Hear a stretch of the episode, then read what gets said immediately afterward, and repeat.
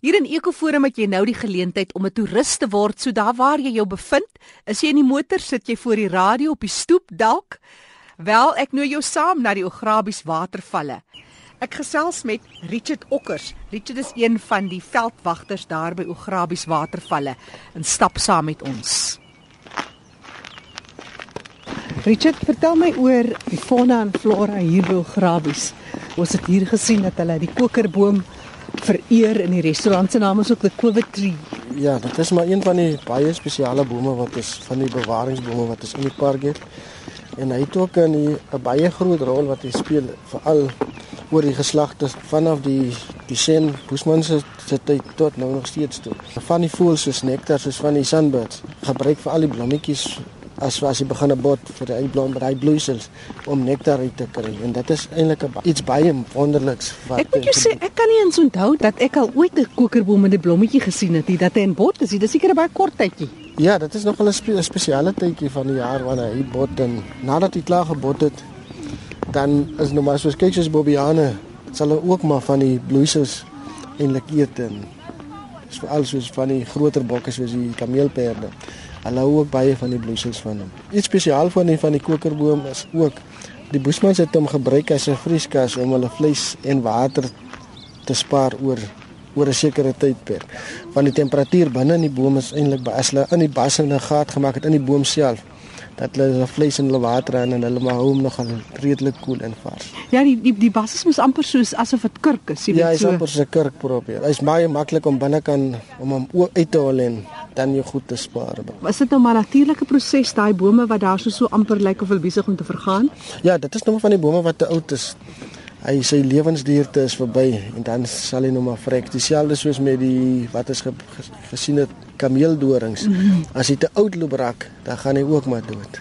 Maar dit bly 'n nasionale erfenis. Jy is nie veronderstel om eens van daai takke af te haal nie. Nee, glad nie. Jy mag nie eens brandhout versamel van soos in Engels word hulle noem hulle decompose word weer teruggrond toe verwerk mm. en dit vat maar tyd soos die organismes om alself afbreek en hy raak weer sand daai bome sê oor 'n sekere tydperk lê. Nou kom ons stap so 'n bietjie nader aan die waterval en so 'n bietjie hoor hoe dit daar klink. Hier is natuurlik soos jy sê jou kameeldoringboom is instrumenteel of nie dis 'n kameeldoringboom. Nee, nee, ek wil sê dis 'n gewone doringboom ja. Dis so doring volgens ek die kan kyk na die peletjies.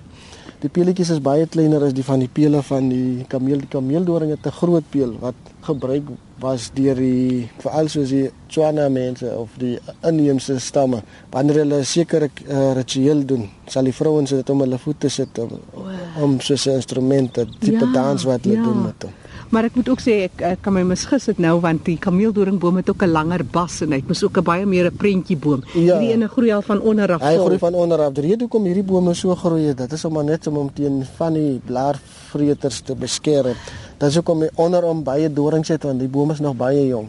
Die ouer bome het minder dorings onderom omrede is die blare sal die diere nie meer so baie aanvreet het. Dit is eintlik 'n manier om hom net te beskerm. Ja nee, moeder natuur kyk mooi na haar kinders nie. Ja nee, dit is.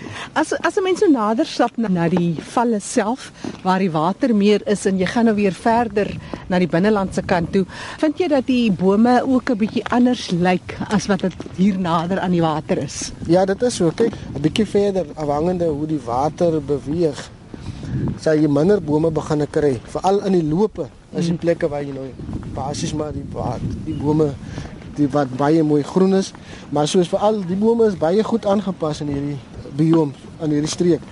Van hulle is nie so groot afhanklik van die water nie, maar sal selfs net lewe met die bietjie wat hulle kry om te kan oorleef en kom fotosinteer sodat die om meer uh, suurstof vry te stel. En ek moet sê dis 'n besondere area. Ek verkyk my elke keer aan die grootheid van die omgewing hier en die fisiese grootheid van die rotse. Een klip is maklik soos 'n koppie. ja, nee, dit is nie. Veral hierdie Ograbies watervalle is gesorg vir sy verskillende graniete wat is in. Ons het so 5 of 7 verskillende tipe graniete wat is in die park het waarvan die streek wat een wat ons nou hier sien by ons, dit is die Ograbiesval graniet. Mm. Dit is eintlik 'n baie jonger tipe graniet as van die ouer graniete wat is in die park het. Dit vat miljoene jare om te vorm.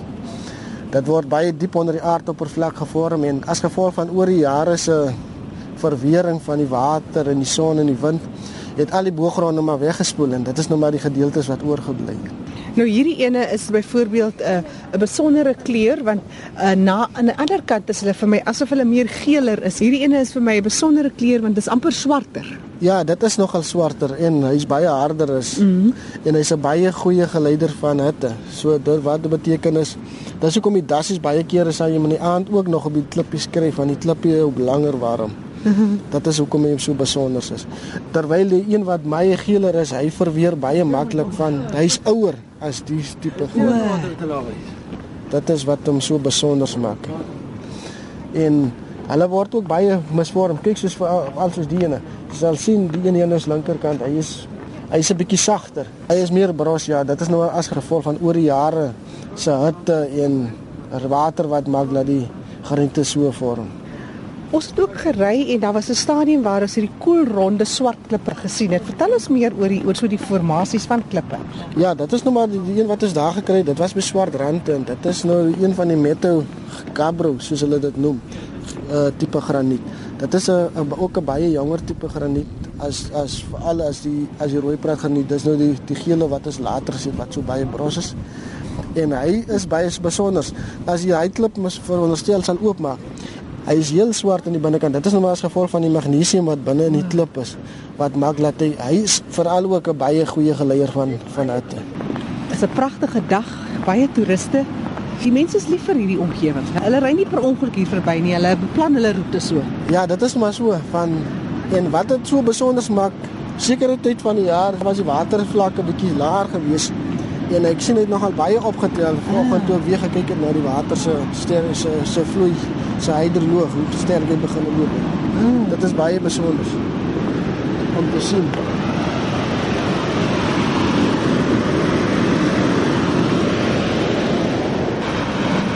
Die rolle gate wat wat is aan die oorkant sien dit word ook maar as gevolg van die water se maar dit is selfs so uitkaller as omdat die rotsie so hard genoeg is. Vorm jy nou maar daai potholes binne in die in die rotse in. Is verbasend om te sien die krag van water want dit is perfekte koelronde gate wat daar gevorm word.